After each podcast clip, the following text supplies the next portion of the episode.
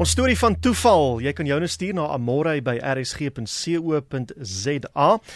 'n Dominee het hierdie geskryf, hy wil anoniem bly. En net so vinnige agtergrond, hy sê as jong predikant het hy en sy gesin gedurende hierdie tyd toe hierdie voorval plaasgevind het, sendingwerk onder die son in Afrika gedoen. En hierdie gedeelte wat ek nou met jou gaan deel, kom uit sy persoonlike dagboek wat hy deur die synode gevra is om op datum te hou. Hy skryf Donderdag 1 April 1993. Nadat ek gister Jakkel se plek ontdek het, kyk ek uit vir eh, paadjies wat ek nie ken nie. Ek kry nog een en ek volg dit. Ek het nie goeie hoop nie want dit is toegegroei. Dit het baie gereën en oral is daar watergate waardeur ek moet ry. Party 750 mm diep. Toe dit amper donker is, stop ek om kamp op te slaan. Ek kry hout, maak vuur en braai vleis. Eintlik was dit maar net 'n blikkie boeliebie wat ek warm gemaak het. Nadat ek lank na die naggeluide gelê en luister het, onthou ek dat daar 'n kaset is waarna ek nog wil luister. Ek lê op my matras langs die bakkie. Ek sit die bakkie se radio aan en los die deur oop.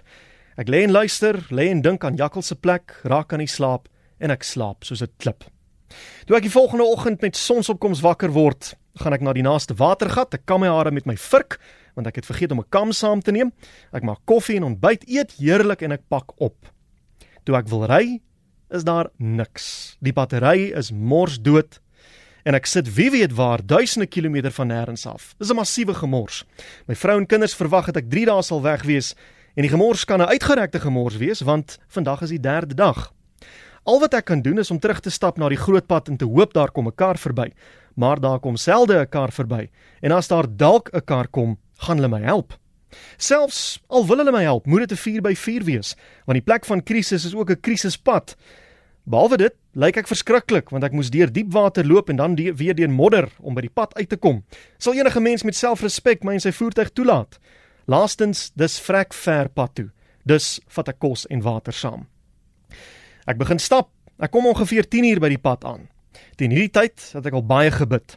Ek neem stelling in langs die pad en net 3 minute later, 3 minute, stop 'n bakkie langs my. Die oom vra vriendelik of hy kan help. Hy's 'n agent vir Willard motorbatterye. en hy het batterye. Hy lewer net een keer elke 3 maande in die omgewing batterye af. Het oom 'n battery om my bakkie mee te start vra ek. Ek is 'n Willard rep sê hy. Hy ry tot verby die eerste watergat, maar hy kom net nie daardeur. Die tweede watergat is watergat is te diep, hy wil dit nie aandurf nie.